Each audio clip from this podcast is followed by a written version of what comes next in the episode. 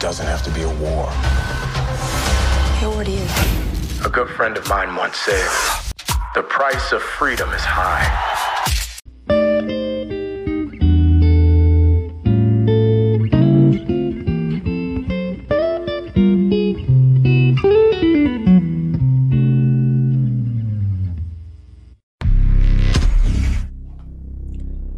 Hey, hey, hey.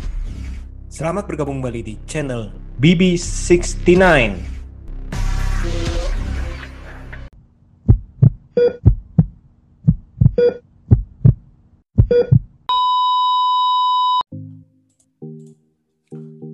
Wow, wow, wow, dan wow.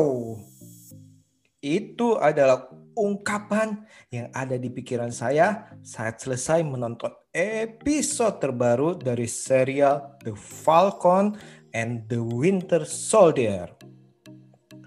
Sobat BB69, setelah pada episode sebelumnya kita dimanjakan oleh keindahan dari Madripoor, juga disuguhi cerita beserta aksi ala-ala John Wick, dan tentunya nih dibuat terkagum-kagum dengan jogetannya sang Baron Simo yang membuat seluruh jagat dunia maya terpesona sampai memaksa Marvel mengeluarkan extended cut-nya khusus Baron Simo. Konon ya, ini konon loh ya. Si Simo belajar joget bersama-sama dengan Peter Parkernya Tobey Maguire dari tempat les joget yang sama loh yang dipimpin oleh Mephisto. Itu bercanda-bercanda ya. Oke oke. Sekarang kita kembali ke episode keempat daripada serial ini. Kita ketahui nih bahwa sejak pemboman yang dilakukan oleh Carly Morgenthau yang menyebabkan jatuhnya korban luka-luka sebesar 11 orang dan sampai ada tiga korban meninggal. Hal ini membuat Sang Falcon dan Winter Soldier bersama Zemo semakin berusaha keras mencari untuk menemukan dan menghentikan dari si Carly dan kawanan Flex Messer yang ia pimpin nih. Namun Sobat BB69 ternyata keadaan semakin rumit. Seperti kabel charger yang kita taruh di dalam tas kita. Belibet. Kenapa? Yang pertama, seperti yang kita lihat di penutup episode ketiga lalu, Ayo mendatangi sang White Wolf untuk menanyakan perihal Baron Zemo. Dengan alasan yang sebaik apa pun yang diberikan oleh si Bucky, Ayo tetap mengingatkan bahwa Zemo bertanggung jawab atas kematian sang Ayananda dari Black Panther, yakni almarhum Raja T'Chaka. Ayo pun memberikan waktu hanya selama 8 jam sebelum ia bersama tim Dora Milaje dengan cara apa pun akan membawa Zemo ke Wanda untuk diadili atas perbuatannya dahulu. Tentunya hal itu membuat si Falcon dan Bucky semakin berpacu dengan waktu. Nah, yang kedua nih, seperti yang kita ketahui bahwa perbuatan Carly sudah memakan korban. Dan itu membuat John Walker dan sang partner si Lemar semakin berambisi dan semakin giat untuk segera menangkap kelompok Flex Messer nih. Karena bagi mereka berdua, hal tersebut itu semakin keluar batas nih dan sudah tidak dapat ditoleransi lagi. Ya seperti yang kita ketahui ya, tentunya dengan kehadiran Walker dan Lemar untuk bergabung dengan Sam, Bucky juga Zemo membuat keadaan semakin tegang dan juga semakin rumit. Belum lagi ya, si Walker sangat ingin mengembalikan Zemo ke penjara lagi nih.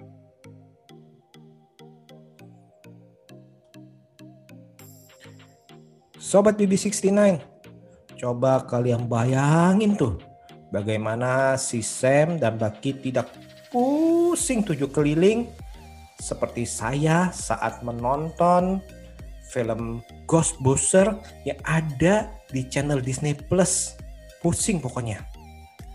Mereka yang masih belum kelar menemukan Carly bersama tim manusia supernya Eh, ditambah dengan kehadiran si Ayo beserta Dola Milaje untuk membawa Zimo yang notabene merupakan sumber informasi mereka berdua. Eh, ditambah-tambah-tambah lagi sama pasangan sang kapten Amerika dan partnernya si Battlestar yang tidak bisa diatur, juga yang emosi meledak-ledak Ya ini kan gimana nggak mereka pusing sing sing sing sing sing.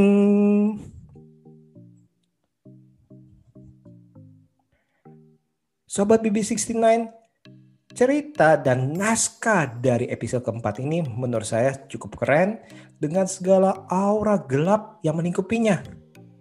Dengan durasi yang terbatas, episode ini dapat membuat kita terhipnotis dan juga menerka-nerka apa yang akan terjadi di masa depan serial ini, bahkan dunia MCU secara keseluruhan. Walaupun serial ini berjudul The Falcon and the Winter Soldier. Namun ternyata bukan hanya dua tokoh tersebut saja yang menjadi sorotan dari serial ini. Akan tetapi, para karakter yang ada diberikan kesempatan untuk bersinar. Sebut saja Simo, Carly Morgenthau, John Walker, Lemar Hoskin, Sharon Carter, bahkan sampai Ayo bersama Dora Milaje yang diberikan porsi untuk membuat berkesan di hati kita dan tidak akan dilupakan dengan cepat. Bahkan kemunculan mereka, setiap kali kemunculan mereka nih, pasti nih di dunia internet akan dibahas dan akan ditelaah. Nah ini kan benar-benar hebat nih dari segi ceritanya nih dan naskahnya.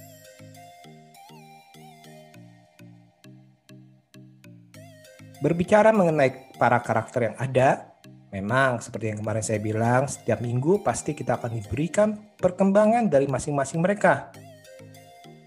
Zimo, yang di episode sebelumnya kita lihat sangat badass dalam aksinya nih kali ini dia tampil seperti sosok yang kita kenal sebelumnya, yakni seorang yang sangat pintar dalam berkata-kata, bahkan bisa menelusuri pikiran kita nih, pikiran lawan bicaranya, dan membuat seolah-olahnya ini kita malah sedikit jauh setuju terhadap pola pikir yang disampaikan oleh Sisimo.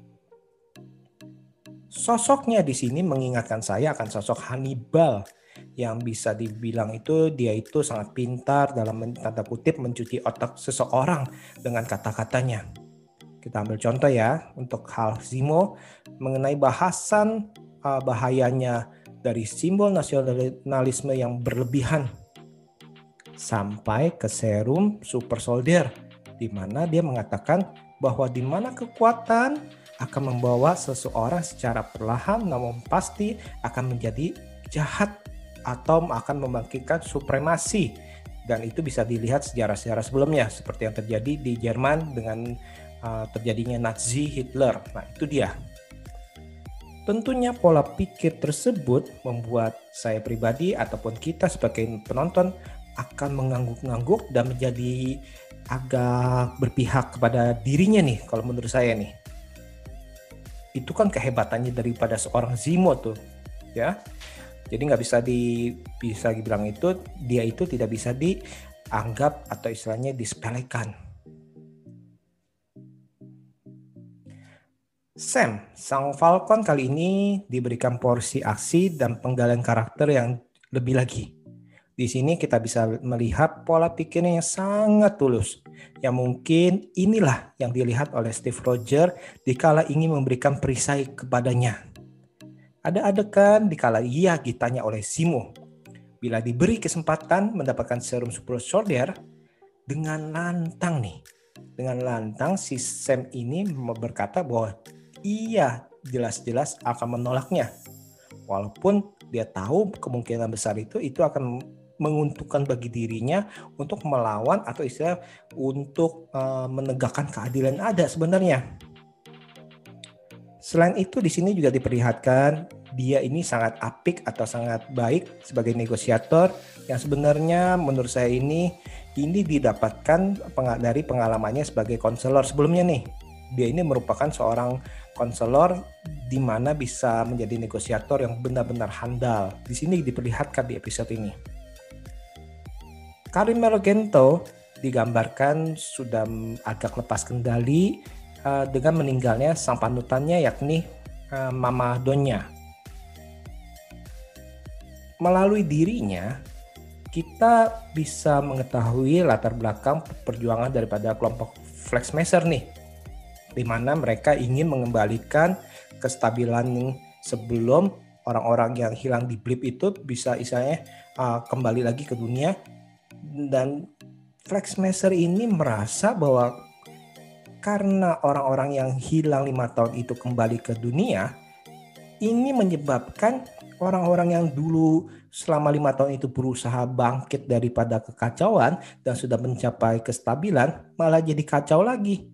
Bahkan ada beberapa itu bisa dibilang itu dilupakan atau saya bantuan-bantuan itu sudah tidak diindahkan lagi oleh pemerintah yang ada. Hal inilah yang kita bilang ini eh, kita bisa merasakan motivasi daripada Carly. Namun apa pun yang kita rasakan, baik itu empati, pengertian, simpati, tapi kita perlahan itu juga diberikan atau diperlihatkan perubahan daripada cara-cara si Carly yang membuat kita ini eh, tidak mentolerir dia nih karena dia mulai menghalalkan segala cara agar keinginannya itu targetnya itu tercapai yang mana tentunya ini kita bisa lihat ini menimbulkan banyak kekacauan.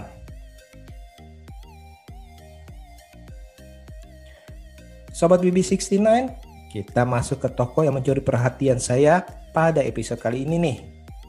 Yang pertama adalah Ayo, Nomble, dan Yama yang tergabung dalam Dora Milaje. Kalau sebelumnya memang kita sudah bisa melihat kegarangan atau kegaharan Ayo di beberapa film Marvel sebelumnya, ya kita sudah melihat mereka itu atau sudah melihat si Ayo itu sebagai pemeran figuran uh, di beberapa film Marvel. Tapi uh, setiap kemunculan itu memang ada kesan tertentu nih. Dan di sini, di sini benar-benar diberikan waktu bagi dirinya untuk bersinar dan itu benar-benar bagi saya itu wah banget lah. Kita bisa melihat dirinya merasa sangat bertanggung jawab atas kematian dari mendiang Raja Tecaka yang waktu itu ternyata itu dalam pengawasan daripada si Ayo. Hal inilah yang membuat dirinya sangat terbebani akan tanggung jawab moral untuk menangkap sang baron yang merupakan pembunuh daripada raja. Bagi dirinya, walaupun Zimo saat ini sangat dibutuhkan oleh dunia, akan tetapi dia ini tidak peduli. Dia tetap bersikeras ingin membawanya ke Wakanda dan menghadapi hukum dari negeri mereka di sana atas perbuatan uh, mendiang raja mereka. Nah, hal menarik lainnya yang mengenai si Ayo itu akan saya bahas di belakang. Yang kedua, karakter yang kedua yang benar-benar menarik perhatian saya adalah John Walker, sang Kapten Amerika dan partnernya Lemar Hoskin, sang Battlestar. Menurut saya, sosok Walker memang merupakan sosok yang sangat-sangat-sangat menarik untuk ditelaah Oke deh Sobat BB69, kita anggap aja nih, kita anggap aja bahwa tidak ada versi komik daripada karakter ini. Dan hal ini kalau kita menganggap seperti itu malah semakin menarik nih. Kenapa? Sejak pertama kali pemilihan Walker oleh pemerintah untuk memberikan atau istilahnya memakai kostum dan membawa perisai sang Kapten Amerika, Ini sudah menjadi pertanyaan dalam diri saya. Yang mana mengapa dia dipilih, untuk apa latar belakangnya mereka memilih dia apa? Apakah ada motivasi tertentu dari pemerintah, pertimbangan tertentu dari pemerintah? Ini sebenarnya apa nih?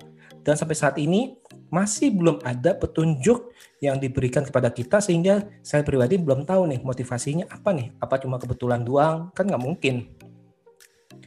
Kemudian kita sepertinya tahu bahwa Walker dan Neymar itu memang manusia biasa yang terpilih oleh pemerintah.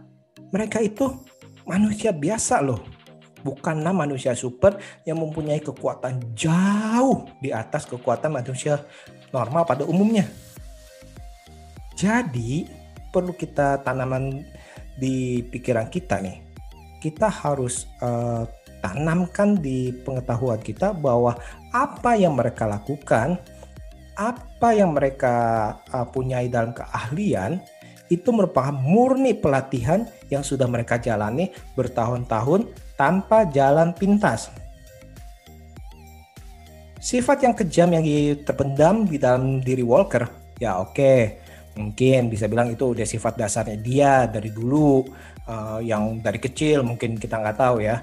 Tapi apakah tidak ada kemungkinan nih uh, bahwa sifat tersebut semakin dipicu lebih lagi akibat pengalamannya melihat kematian di perperangan yang sudah dia jalani itu.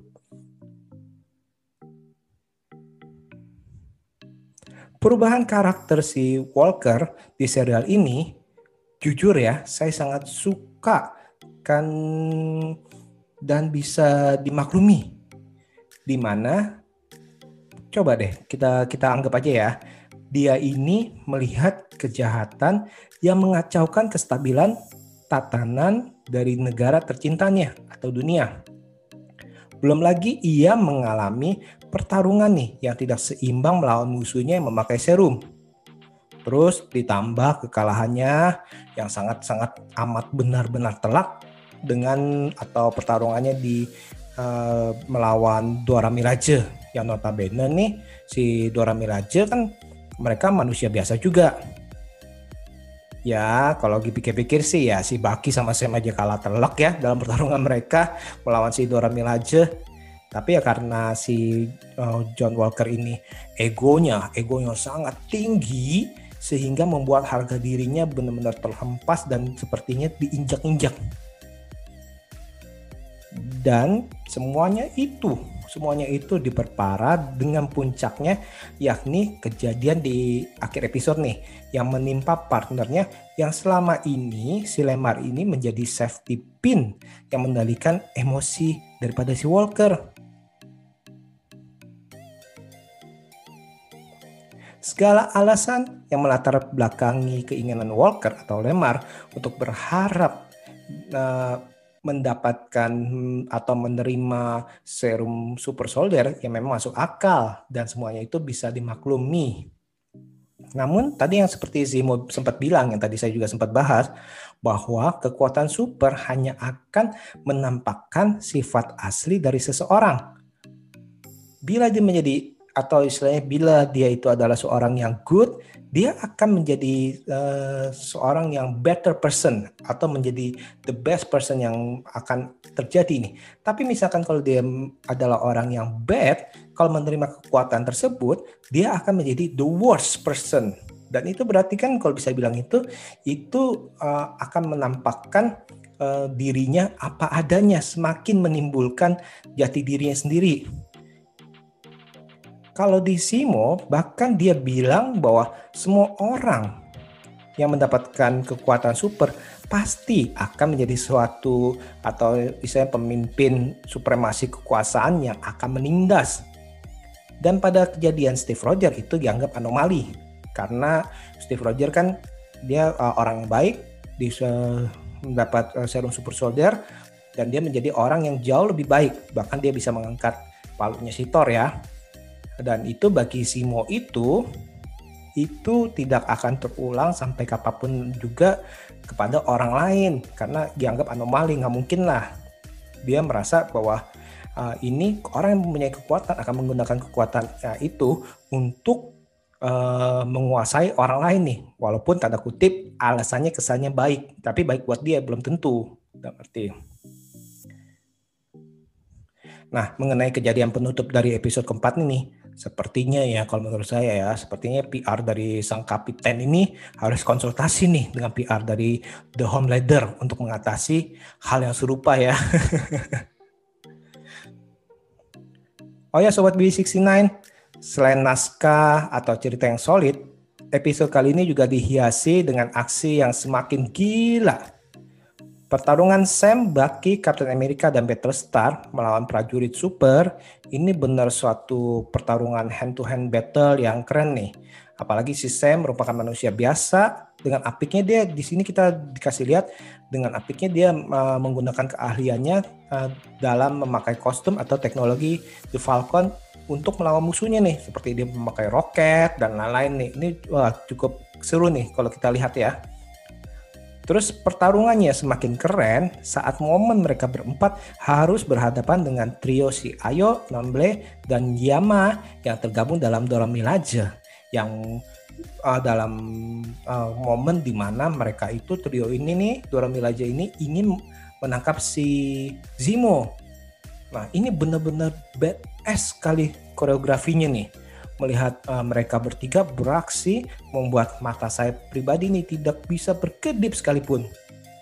Selain gaya tarungnya, kita nih jujur ya kita bisa melihat bahasa tubuh mereka pun itu bener-bener wow gahar tuh istilahnya kalau kita ketemu tuh waduh bisa-bisa uh, dalam arti uh, gemeteran sendiri nih kalau kita ketemu sama orang-orang seperti itu nih ya pokoknya itu pertarungan yang antara uh, Dora Milaje dan mereka berempat itu pokoknya keren, keren, keren dan keren deh. Saya pribadi menantikan dua episode finalnya dan benar-benar berharap nanti semoga ya bahwa untuk si Walker dan Zemo dibuatkan prequel miniseri lah karena karakter ini menurut saya ini kita harus melihat latar belakang mereka. Nah, ini untuk untuk bisa lebih kita terikat ataupun ini banyak hal yang menarik nih karena dari dua tokoh ini nih. Oke deh, saya rasa sekian dulu episode kali ini nih. Para sobat BB69, jangan lupa untuk tekan tombol subscribe, like, juga tombol notifikasi agar kalian tidak ketinggalan dengan episode-episode selanjutnya yang tentunya dengan tema berbeda. See you.